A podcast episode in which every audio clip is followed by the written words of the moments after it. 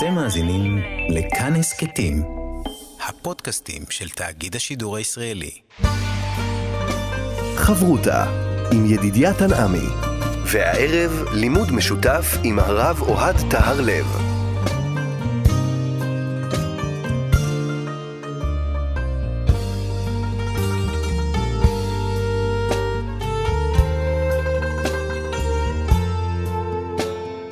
שלום, כאן מורשת חברותא לימוד משותף עם רבנים ואנשי חינוך בנושא תנ"ך, הלכה ואמונה.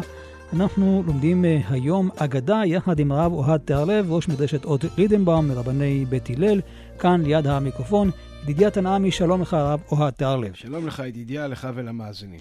אנחנו רוצים uh, ללמוד uh, אגדה שעוסקת בענייני האמת, שהשאלה איך בוחנים מהי האמת. מה האמת? מה מוגדר כאמת? האם ה... מה שאדם אה, אומר בהכרח, או מה שהוא לא אומר, עיגולי פינות, מה מוגדר כשקר, מה מוגדר כאמת, זה נושא שמעסיק אותנו מאוד מאוד אה, בחברה היום. הבסיס שעליו הכל עומד זה אמון, ואדם שעומד באמת. אתה יודע, יש שיח כזה ברחוב, מה שהוא, מה שאני אומר, אני מקיים. יש כאלה שכנראה לא. וזאת שאלה מאוד גדולה, מה מגדירים כאמת או מה לא מגדירים כאמת.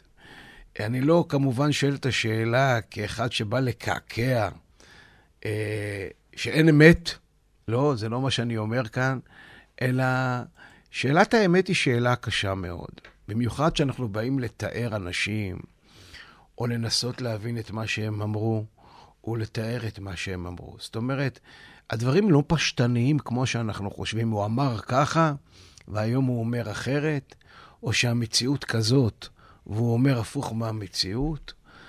אה, האם בהכרח אדם שרואה שקיים משהו, קיימת מציאות, והוא מגדיר אותה mm-hmm. כאחרת? האם הוא לא דובר אמת? האם הוא דובר שקר? אז כבר למעשה חז"ל התעסקו בבעיה. אה, אנחנו היום לא בדיוק נלמד אגדה, נלמד אגדתה. זאת אומרת, נלמד דברי אגדה. כן. זה לא סיפור קלאסי, זה לכאורה שיח mm. בין בית שמאי לבית הלל, עם כמה דברי uh, סיפורים על המוראים שונים, אבל זה לא איזושהי עלילה אחת לאורך כל הדרך, אבל זה בהחלט דברי אגדתה, שניתן להבין מהם uh, כמה וכמה אה, מסקנות מעניינות למהי האמת. אני רוצה אולי לפתוח בשאלה, לפני שניגע מהי האמת, האם אתה מתכוון, האם יש בכלל דבר שנקרא אמת שאתה יכול לבחון את הדבר הזה, או שהאם מותר גם לשנות, כי אנחנו מצאנו בחז"ל שלפחות בשלושה דברים אפשר לשנות מפני דרכי שלום. אז אולי זאת הכוונה? אז גם וגם. Aha. נעסוק בנקודה, גם וגם. גם האם יש בכלל אה, איזושהי קביעה להגיד זאת האמת. אנחנו עוד פעם, כמובן, לא מתייחסים בהכרח לנושא אמוני ודתי. Mm-hmm. כמובן זה קשור לעולם הדתי. יש הקדוש ברוך הוא בעולם, ויש תור... הוא אמת ותורתו אמת, וקיום המצוות אמת. אלא איך שאנחנו בוחנים ומסתכלים על המציאות, כמובן, דבר שהוא קשור גם לעולם הדתי, וגם להרבה מאוד uh, דברים. כי אתה יודע, לפעמים המטרה מקדשת את האמצעים, לפעמים המטרה לא מקדשת את האמצעים, דברים שרואים מפה, לא רואים משם, ועוד כל מיני yeah, כן, אמירות. הנסיבות. שיוצרות לנו אי-בהירות ואיזושהי חלקלקות mm. סביב המושג אמת. אז בואו ניכנס פנימה. קדימה. אנחנו הולכים לעסוק בברייתא מפורסמת מאוד, שנמצאת במסכת כתובות, בדף ט"ז עמוד ב', י"ז עמוד א'. הברייתא פותחת ככה: תנו רבנן, שנו חכמים, כיצד מרקדין לפני הכלה? שאלה מעניינת, עוד ניגע בה בהמשך. בית שמאי אומרים, כלה כמות שהיא. ובית הלל אומרים, כלה נאה וחסודה. זאת אומרת, לכאורה הברייתא שואלת, כשאתה רוקד לפני הכלה, מה אתה אומר לה? אז בית שמאי אומרים, מה זאת אומרת, מה אני אומר? אני אומר מה שהיא. היא יפה, היא לא יפה, היא כזאת, היא גבוהה, היא נמוכה. הרי יש עניין לשבח את הכלה בענייני בעלה, בעניין, בענייני חתנה. כי עכשיו אנחנו רוצים לחבב אחד את השני. ובית הלל אומרים, תמיד אני אומר, כלה נאה וחסודה. היא תמיד יפה, אין דבר כזה כלה לא יפה. אמרו להן בית שמאי לבית הלל? אנחנו לא מבינים. הרי שהייתה חיגרת, צולעת לו עלינו, נכה, או סומה, כלה עיוורת. אומרים לה כלה נאה וחסודה? והתורה אמרה מדבר שקר תרחק. למה אתה משקר? היא עיוורת, היא צולעת. מה, כלה צולעת? היא כלה יפה, היא כלה נאה וחסודה, עיוורת? אז מה צריך להגיד בפנים? את עיוורת? את צולעת? שאלה קשה. אל, או אל תגיד כלום. או, זה יותר הגיוני. ואם אתה אומר, והרי התורה אמרה, מדבר שקר תרחק, אתה לא בדיוק מתרחק מדבר שקר. אתה מאוד מאוד מתקרב לשקר. אמרו להם בית הלל לבית שמאי, לדבריכם, מי שלקח מקח רע מן השוק, ישבחנו בעיניו או יגננו בעיניו? קנית איזה רכב, קנית איזה משהו. מה? זה תמיד יהיה המשהו הכי טוב שקניתי. מה, אני ישבח, יסתכל על זה בצורה רעה? הווה אומר, ישבחנו בעיניו, ברור, רק יגיד דברים טובים. אומרת הברייתא, כאן נגמר השיח בין בית שמאי ובית הלל, או אולי לא נגמר ואנחנו לא מכירים, אבל אין לו המשך. מכאן אמרו חכמים, מציין את הברייתא, לעולם תהא דעתו של אדם מעורבת עם הבריות. והגמרא ממשיכה, האגדתא ממשיכה, ומספרת על כל מיני אמוראים שהיו אומרים כל מיני דברים לפני כלות. כי את הרב דימי, שהגיע הרב דימי מארץ ישראל לבבל, אמר, אחים אשרו קמי קלתא במערבה. ככה היו אומרים לפני הכלה בארץ ישראל, לא כחל ולא סרק ולא פרקוס ויעלת חן. היא כל כך נאה ויפה, היא לא צריכה לקשט את עצמה, לא בצבעי עיניים ולא בכל מיני איפורים. איפורים למיניהם. היא יעלת חן כמו שהיא. והגמרא אומרת דבר מאוד מעניין, ככה מכניסה פנימה, כי סמכו רבנן לרב זרע, שהסמיכו אותו לרבנות, שרו לי, שרו לו, הכי, לא כחל ולא שרק ולא פרקוס ויעלת חן. זאת אומרת, היו שרים לו כמו כלה, הוא mm-hmm. מדהים כשלעצמו, הוא לא צריך להתייפות, הוא לא צריך להוכיח את עצמו. מה שהוא, הוא פשוט מדהים. אמרו עליו, על רבי יהודה בר אילאי, שהיה נוטל בת של הדס, הוא מרקד לפני הכלה ואומר, כלה נאה וחסודה. כמו בית הלל? כן, הוא כמו בית הלל, אבל הוא היה גם uh, עושה כל מיני קונצים, עם זורק uh, בת של הדס ו- ושמח עם זה.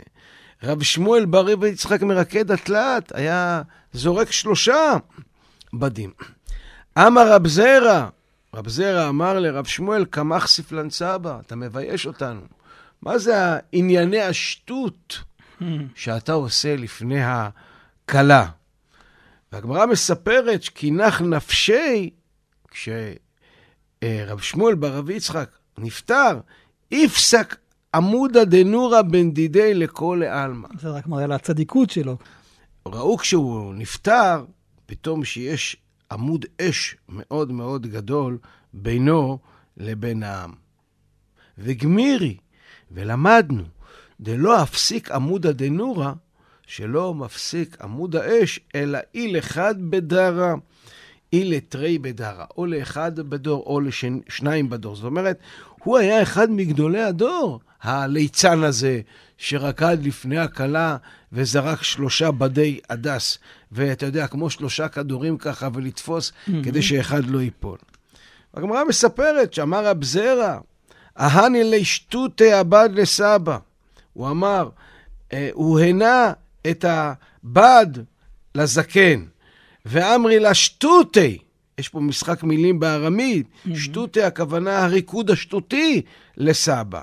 ואמרי לה שיטתי, השיטה, המנהג לסבא. זאת אומרת, הוא אמר עליו בשלושה וריאציות, אולי כמו שלושת הבדים, שהוא עזר לו השטות הזאת שהוא עשה.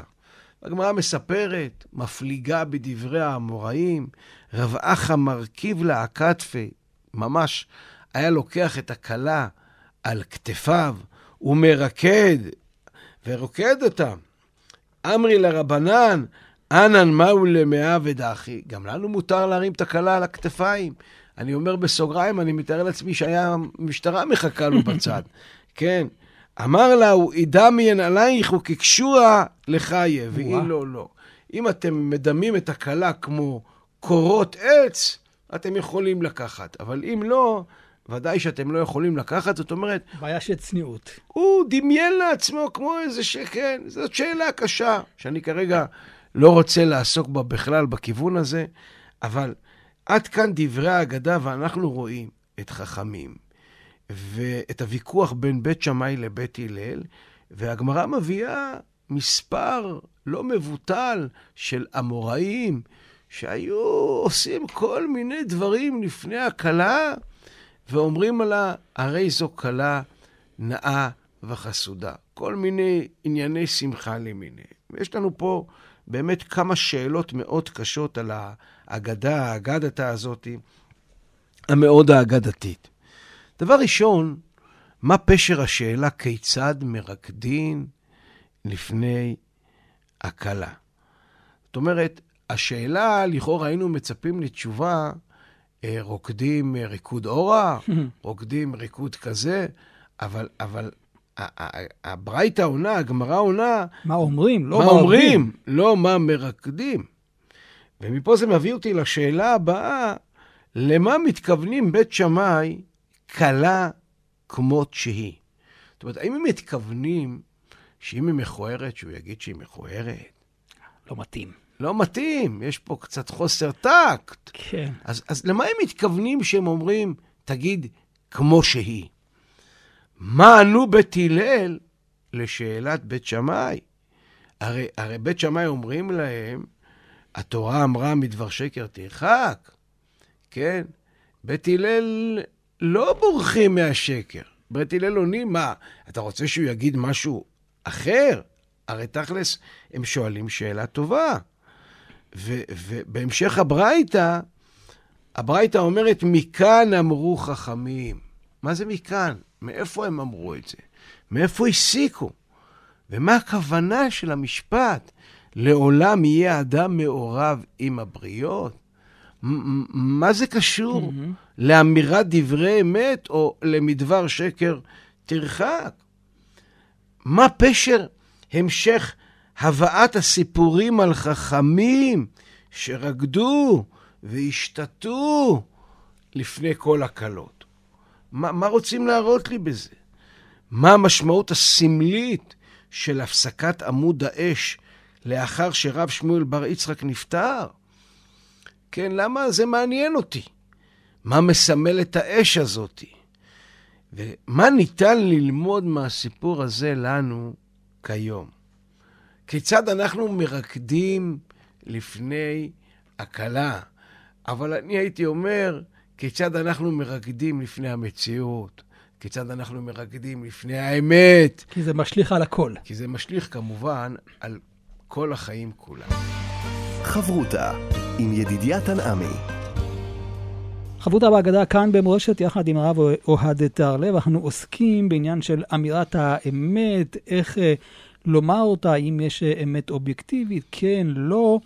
והדוגמה שאנחנו יוצאים ממנה זה הסיפור של חתונה, של כלה, איך להתייחס אליה, ומאוד מעניין למה דווקא הסיפור הזה הוא הפך להיות הסיפור של הבחינה הזאת של בין אה, אמת לשקר. לאי אמירת האמת, כן. או אמת אה, לשקר. אז באמת כנראה באותה תקופה, ושלא באותה תקופה, היה מנהג לתת ציונים, לשבח מישהו, mm. או לומר עליו, כדי לחבב אחד אל השני, הם מדברים על השני בפני הראשון. בדרך כלל, ככה לימדונו אבותינו, אנחנו לא תמיד uh, מקפידים בזה, לא מדברים אה, על השני דברים כאלה, דברים אחרים, מה אתה צריך לדבר עליו? אתה רוצה, לפעמים יש מצבים שאתה רוצה לפרגן לו. והנה כאן, הכלה הזאתי והחתן עומדים ביום חתונתם, חתונתם, ואתה רוצה לפרגן. זה עוד בפרהסיה. בפרהסיה, לחבב אחד את השני, Mm-hmm. להחמיא אחד אל השני.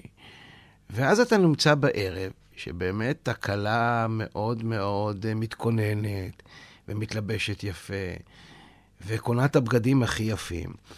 ופתאום בן אדם מגיע לחתונה, ופתאום הוא אומר, אפס, משהו פה לא מסתדר לו. ופה מתעוררת השאלה, האם באמת נגיד את האמת בכל מצב? האם יש מציאות אה, לעגל פינות? האם עיגול פינות הוא שקר? הוא לא שקר?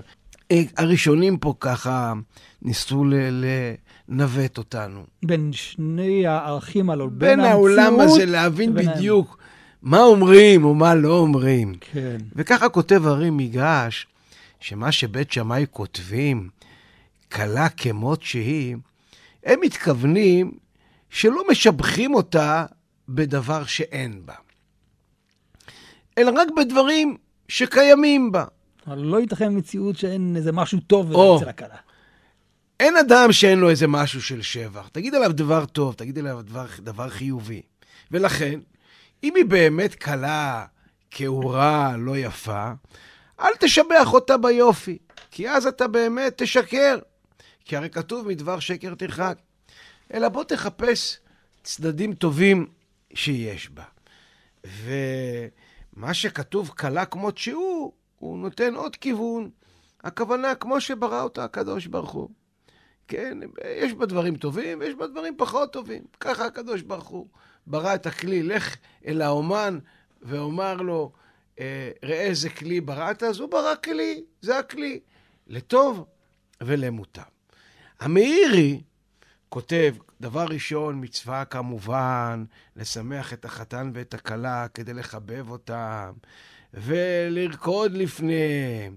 אבל הוא כותב, לא הכוונה של לדקדק, ש... שלא לשבח אותה, אלא במה שיש בה, אלא אפילו לשבח אותה במה שיש בה, להגזים, במידה קדושה, כן? וזאת הוא אומר, אתה תמיד צריך להיות ככה, זה שאתה מגזים ומשבח אותה ומפרגן לה כאילו בדברים הטובים שלה, זה הכוונה שחז"ל אמרו, לעולם תהיה דעתו של אדם מעורבת עם הבריות, ואל תלך בדיוק לפי הדין, תגיד, סליחה, זה לא בדיוק ככה, תפרגן, תתיר, אה, אה, תאמר דברים שיש להם אנרגיות חיוביות, וכמה שתפליג בענייני הטוב להגיד על בן אדם, הרי זה משובח. והוא אומר, גם הזקנים, החכמים, הנבונים, לא נמנעו מלהגזים, מלהגיד אה, דברים כאלו או דברים אחרים.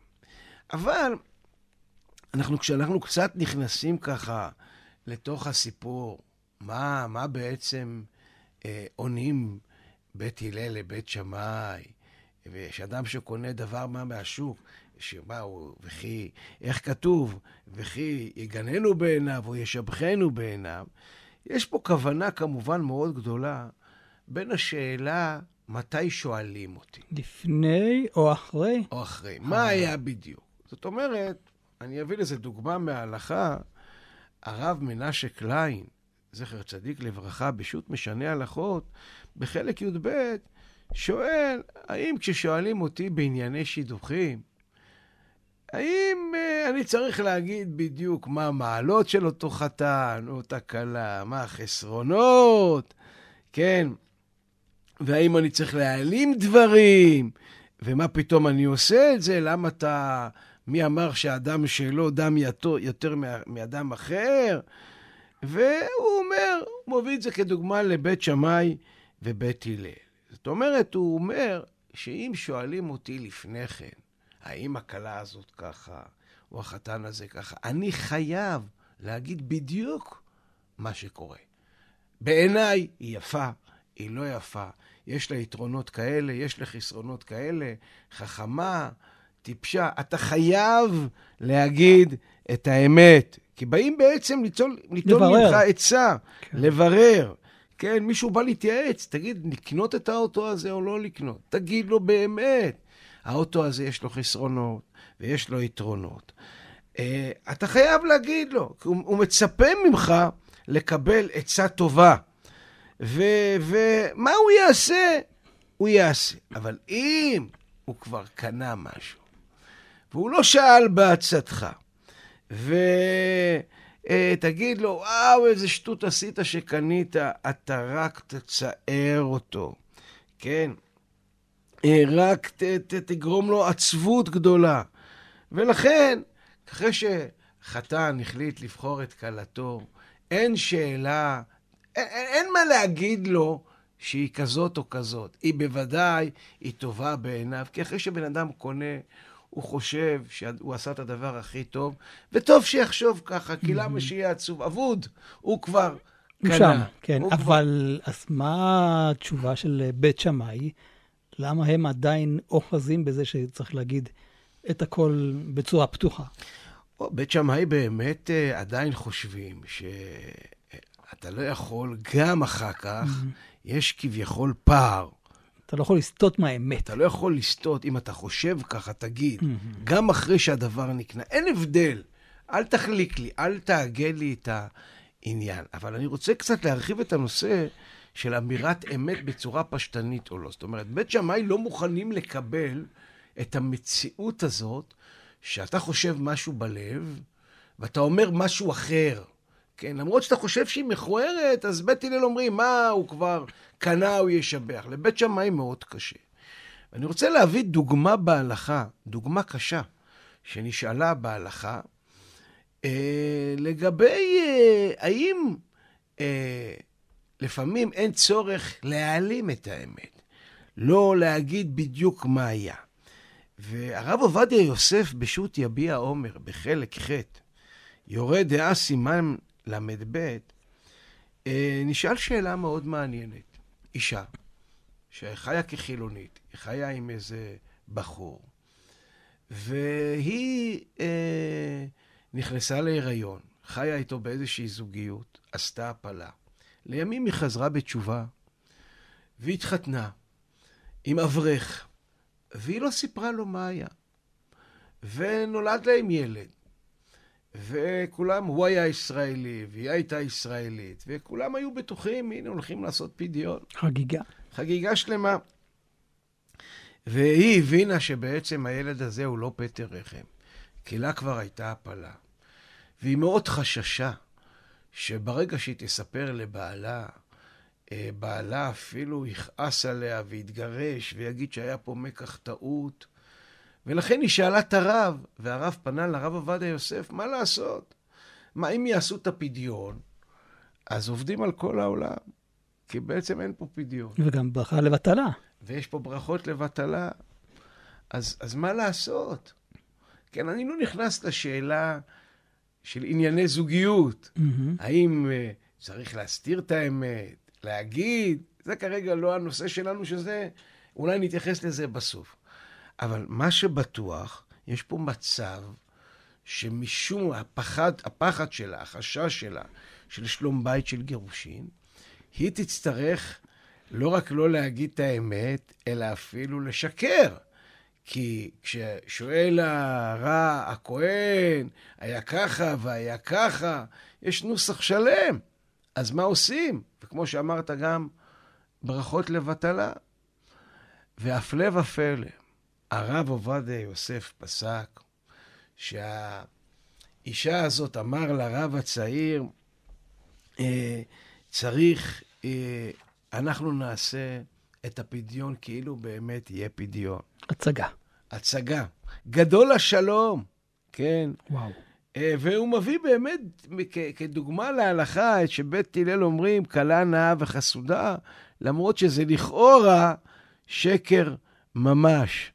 כן, והוא אומר לו שהוא באמת, אה, משום כבוד הבריות, אה, אין, אין, אין, אין בעיה, וכשהוא ידלג על כל הנוסח, שככה וככה היה, וגם הוא טען שכל הנושא של אמירת שם השם זה דה רבנן, איך שלא יהיה, אה, אה, מפני השלום, אומר הרב עובדיה יוסף, כן, מותר לא להגיד את האמת. מדהים. אז, אז הנה, יש לנו דוגמה הלכתית, שמפני השלום, מפני, אה, האם תרצה, זה אולי הביטוי, מעורב עם הבריות. אה, כן, אני לא אגיד את האמת. אני אפילו לא רוצה להגיד, אני אגיד שקר. אבל אני לא אגיד את האמת. אני עושה מעשה שהוא בעצם הצגה אחת גדולה, שהוא לא אמיתית, שהוא רק כאילו. למה? כדי לשמור על איזשהו אה, שלום בית בין האיש ובין האישה. אז הנה עוד דוגמה הלכתית לאי אמירת האמת. ופה מתעוררת השאלה המאוד גדולה, מתי אני יכול, אני מחויב להגיד את האמת, ומתי כדאי שאני לא אגיד את האמת. זאת אומרת, אנחנו הרבה פעמים באים למנהיגי ציבור. יש לנו טרוניה עליהם. בכל, למה הם לא אמרו את האמת? היינו מצפים שהם יגידו את האמת. אולי, ואני לא רוצה פה לגמוז לשום דבר, יש להם סיבה למה הם לא אומרים את האמת. זאת אומרת, יכול להיות שאותה אישה, אחרי הרבה שנים, תגלה לבעלה, תשמע, אני אגיד לך את האמת, הכל היה הצגה כשעשינו את הפדיון. אבל שהיא תרגיש בטוחה בקשר שלה עם בעלה, והיא לא תחשוב שבעלה יפרק את החבילה, היא תגיד לו, היא תספר לו. אבל יכול להיות שבעלה ילך לקבר עם ידיעה שעשה פדיון לבן שלו, ובעצם הבן שלו לא היה פטר רחם. ופה באמת שיש פה שאלה גדולה, מתי כן ומתי לא? מי קובע? יש בכלל נוסחה לדבר הזה? ולא רק זה, אני רוצה אה, להעלות פה לדיון. אני יודע שאולי אני ככה יכול להיות טיפה יזיז באי נחת את אה, מאזיננו, אבל יכול להיות שהאם אמת או לא אמת, אמירת אמת או לא אמירה, מה שאני היה או לא היה, mm-hmm. אולי זה לא בהכרח האמת בגדלותה. אולי יש הגדרה אחרת חדשה לאמת. אולי זה יהיה פשטני מדי לומר שאני חייב להגיד את מה שאני מרגיש, mm-hmm. את מה שאני חושב, או אם אני אומר משהו הפוך, אני אה, אה, דובר שקר. אז זה לא שחור ולבן. כנראה, למרות שאמת ושקר זה מושגים מוחלטים, כנראה בעולם הזה זה לא שחור ולבן. חברותה עם ידידיה תנעמי. חברותה בהגדה כאן אה, במורשת, יחד עם הרב אוהד תיארלב, אחרי שראינו את ההתלבטות הזאת שבין אה, אמירת אה, אמת לבין אי אמירת אמת והנפקמינות של ההלכה, בואו נחזור רגע עכשיו לסיפור שלנו ולראות באמת את הצדדים, את ההבדל בין החשיבה של בית שמאי לבין החשיבה של בית הלל. כן. מה שהיה לנו מאוד קשה זה לא על בית שמאי. שלכאורה הם אמרו, הרי התורה אמרה מדבר שקר תרחק, אל תעגל פינו. Mm-hmm. אלא על מה שבית הלל אומרים, הרי זו קלה נאה וחסודה. מה בית הלל בעצם טוענים? בית הלל טוענים שהתגובה הנכונה באותו שיח של הרואה את הכלה, הקונה בשוק, לא משנה, אינה לשבח או לגנות את מעשה אחר רק לפי דעתו של הרועה. כלומר, בעצם מה שבית הלל בא ואומר, לא ביקשו ממך חוות דעת על המוצר או, או על הכלה. אתה צריך להקשיב לקיום של השונה, של האחר. תאזין לרחשי ליבו. תרד לעומק מציאותו. זאת אומרת, הדבר באמת לא פשוט ומובן מאליו. זה מצריך מאמץ. מנקודת ראותו, אם תרצה, של אדם שקונה משהו בשוק, המקח טוב ונאהו. למה אני, שעומד מולו, מול זה שקנה, בשיח הזה, אכפה עליי את עמדתי השונה? למה אני צריך להגיד לא, היא כזאת וכזאת? הרי לא אני קניתי. אותו דבר במקרה של הכלה שנכנסת לחופה.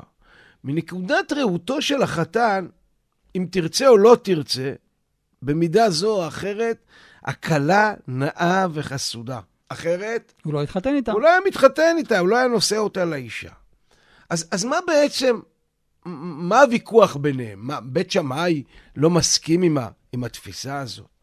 יכול להיות שיהיה מי שיאמר שהערכים שעומדים כרגע לדיון בברייתא הזאת, זה אמת מול מה שקרוי בפינו טקט.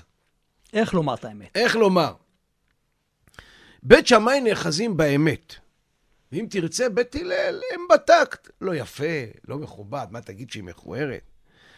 אבל לא ידעו בית הלל שהתורה אומרת מדבר שקר תרחק? מה זה, מה זאת אומרת לי תהיה טקט? איפה הטקט שלך? מה, איפה ההצדקה האמיתית, לדעת בית הלל, לטקטיקה של הטקט? ואני חושב שהתשובה מצויה מאוד יפה גם בטקסט עצמו. בית הלל חושבים שמי שמשבח את הכלה על יופייה, למרות שלדעתו היא לא יפה, הוא לא משקר. למה? כי מנקודת הראות הלגיטימית לגמרי של החתן, של הזולת, האישה באמת יפה. זאת אומרת, בית הלל מציגים לנו עמדה מורכבת מבחינה מחשבתית, אם תרצה פילוסופית, שטוענת שחובת אמירת האמת זה לא עניין טכני, להוציא מן הפה רק את מה שאנחנו או אני מרגיש בלב. זהו לדעתם אופן, הייתי אומר, פרימיטיבי כמעט של תפיסת האמת. כדי לראות את האמת, את המציאות הממשית, מה באמת, צריך לפתח את היכולת לחוש הזה, לחוש את זה שהאמת לא רק נראית מהזווית, ואני אומר בסוגריים או לא בסוגריים, העקומה בדרך כלל של האישיות הפרטית שלי, כי כנראה אני תמיד רואה את זה בצורה מסוימת, קצת עקומה, קצת אנוכית. האמת היא היכולת לראות את המציאות מנקודות מבט רבות ושונות. כלומר, לראות גם את ההקשר של הדברים, ולא רק מה אני חושב מתוך הראייה זה. שלי. כן. זאת אומרת, אני רואה משהו, יש לו אלפי פרטים קטנים. Mm-hmm. אנחנו באים איתם במגע יומיומי. אישה, ילד, בית, הר, עץ, ענן, כל מיני דברים. האופן הזו שבו מוצגת הדבקות באמת על ידי בית שמאי, נראית כנראה לבית הלל באופן פשטני מדי. הם יגידו שהאמת הזאתי שבית שמאי מציגים, אם תרצה לידתה באנוכיות, באישי, בפרטי. ולכן, כיוון שהיא באה ממקום אישי ופרטי, היא שקרית מיסודה. למרות שבאופן טכני הדובר נאמן למה שליבו אומר, mm. למה שהוא מרגיש באותו רגע. להגיע אל האמת, אומרים חכמי בית הלל, אפשר להגיע רק מתי שנחדול להחזיק, לאחוז בעקשנות בזווית הראייה הפרטית שלנו. כן, כשאנחנו לא נותנים ככה לזרימה של כל מה שסביבנו להשתקף דרכנו בבהירות, ללא מחסומים וללא עיכובים. וזה כנראה המסקנה שאומרים חז"ל, מכאן אמרו חכמים, לעולם תהיה דעתו של אדם מעורבת עם הבריות. ובואו נראה. כנגד האומר שאין ויכוח זה נסוב על שיפוטי הטעם, על יופייה של הכלה, מודגש, חכמים מדגישים, זוהי דעת החכמים גם על שיפוטי התבונה והמוסר. תהא של אדם מעורבת עם הבריות, מה הכוונה? תסתכל איך הבריאה מסתכלת, איך הוא, הוא יכול לראות את זה ככה, אתה יכול לראות את זה ככה, הוא רואה את זה בזווית כזאת. יש הרבה מאוד זוויות ראייה, mm-hmm. האם האישה הזאת יפה או לא יפה. רק מי שמשחרר את דעתו מכבלי האישי והאנוכי, הוא מניח לאחר להישאר אחר, ולהישאר בזווית הראייה שלו, ולדעה האישית שלו, באמת, לא להתערבב בתפיסה של האחר, רק הוא יזכה לראות את האחר באמת באופן מציאותי. זה קצת מחבר אותנו למושג עין טובה. כי מה עין טובה אומרת? אתה יש לך ראייה מסוימת, אבל, אבל בוא תסתכל, יש לזה עין נוספת. זאת אומרת, האמת, מה, ש, מה שיש לנו פה מדהים בדברי בית הלל, בית הלל טוענים, לראות דבר אמיתי או לא אמיתי, זה היכולת שלי לשחרר מהזווית הראייה האנוכית, שלי. האגואיסטית שלי. ברגע שתשתחרר את זה ותנסה להסתכל מזוויות ראייה אחרות, תבין שהסיפור מורכב יותר. ולא בהכרח מה שתרגיש עכשיו הוא כזה.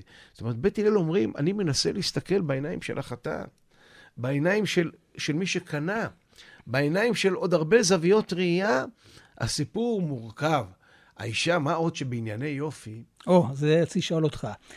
הרי בדבר הזה אין משהו שאתה יכול ולומר, זה הסטנדרט, זה מה שצריך להיות. הרי כל אחד מסתכל בהסתכלות שלו. אבל כן הייתי רוצה לשאול אותך, האם אפשר להשתמש במושגים שהם אולי יותר עמומים? זאת אומרת, כשאתה אומר יפה, אז שוב, יש ויכוח. אתה חושב כך, הוא חושב כך.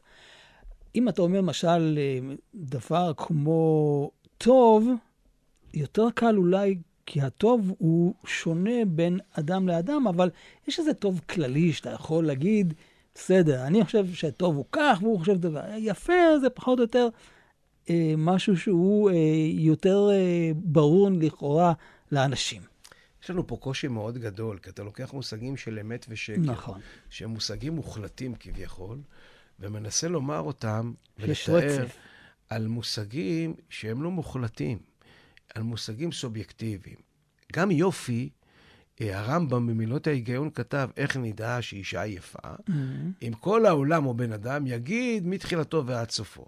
בזמן הרמב"ם חשבו, היו תקופות שחשבו שאנשים שמנים הם יפים. אה, היו תקופות שחשבו mm-hmm. שאנשים רזים הם יפים. כן. הרי אין לזה סוף. אותו דבר טוב, המושג טוב ורע. אה, אנחנו כיהודים מאמינים שהקדוש ברוך הוא אמר לנו בתורתנו מה טוב ומה רע, יש עץ הדעת טוב ורע. אבל תמיד יכולים אנשים להתווכח ולהגיד, תשמע, לדעתך זה טוב, לדעתי זה רע. אתה עושה פה משהו טוב, לדעתי אתה עושה משהו רע, אתה עושה משהו רע עם הילד. כן. אתה משאיר אותו בבית ספר. נכון. לא טוב לו להישאר בבית ספר. השני יגיד, אדרבה, יהיה לו רע בחוץ. אומרת, אין סוף לדבר. אין סוף לדבר. ולכן, אני חושב, זה, זה מה שבית הלל אומרים, או זה מה שהברייתא אומרת, לעולם אדם יהיה מעורב עם הבריות, תנסה. אה, לצאת מהזווית הפרטית שלך ובאמת להיכנס לכלל הזוויות. אז אולי ברגע בטוח שמבחינת הזווית שלך אתה מרגיש משהו, אתה חושב משהו, אתה אולי לא תגיד את מה שאתה חושב, אבל האמירה שלך היא תמיד תהיה אמירה לא רק מה שאני מרגיש, אלא מה שהאחר מרגיש. אלא, באמת לנסות להיכנס לרגליים של האחר. ועצם היציאה מהזווית האנוכית שלי היא, היא, היא, היא תנועה חיובית, היא לא תנועה שלילית. גם המושג עין טובה, זה המושג. בוא, בוא תצא מה, ממה שבא לך להגיד. כן. ותנסה להסתכל עליו אה, בצורה חיובית. תראה, רבי נחמן אמר שברגע שאתה מסתכל על מישהו בעין טובה, אתה מלמד עליו זכות, הוא באמת נהיה טוב. אתה באמת משנה לו משהו. כי באמת אתה נותן מקום אה, לזווית הזאת אה, שקיימת, בתוכו מנקודת אה, ראותו. ולכן אני חושב שגם, בוודאי שהסיפור של אה, אה, כלה נאה וחסודה אה, הוא נכון גם לגבי מושגים רוחניים גבוהים יותר. תראה, החתם סופר דיבר פה בברייתא ואמר, הכלה היא כנסת ישראל. אתה תמיד אתה יכול, אם תרצה פוליטיקה, מציאות, אתה יכול תמיד להגיד, ואלה כאלה וכאלה. ואתה יכול להגיד, תשמעו רבותיי, עם ישראל. כולך יפה ולום אין בה. כולך יפה, איזה הקלה. הקלה נמשלה לכנסת ישראל, ושבת נמשלה לכלה.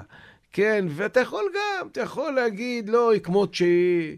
אתה יכול להגיד, בוא, הסיפור הוא מורכב. זה שהקדוש ברוך הוא בחר בנו כבת זוגתו, זה כשלעצמו הדבר הכי, אחרת הוא לא היה בוחר בנו. עצם הבחירה, ויש בזה משהו מאוד עמוק, כי הראייה האלוקית היא תמיד ראייה רחבה, mm-hmm. ראייה מורחבת. והנה, הוא, כמו שאנחנו יכולים לשיר לפי המבט שלו, בוודאי ובוודאי, כן. שהיא קלה, נאה וחסודה. תראה, גם הסיפורים, החומרים פה, בהגדה, כיצד מרקדין לפני הכלה? למה מרקדין? שאלנו בהתחלה. למה לא שואלים? הריקוד הוא, הוא, הוא, הוא בתנועה כל הזמן.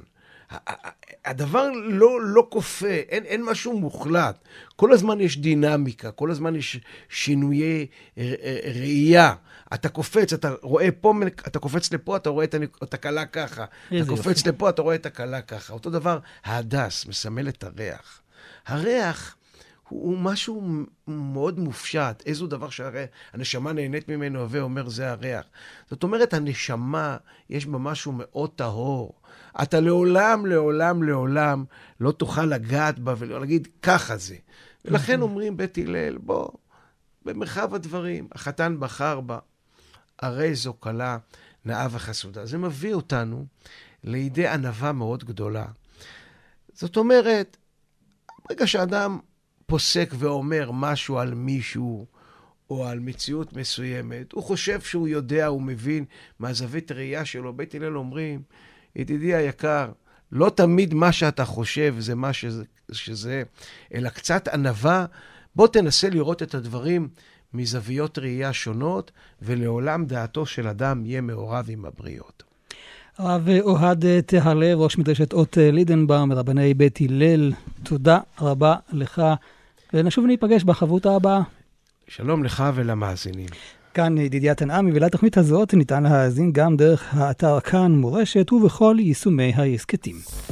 אתם מאזינים לכאן הסכתים, הפודקאסטים של תאגיד השידור הישראלי.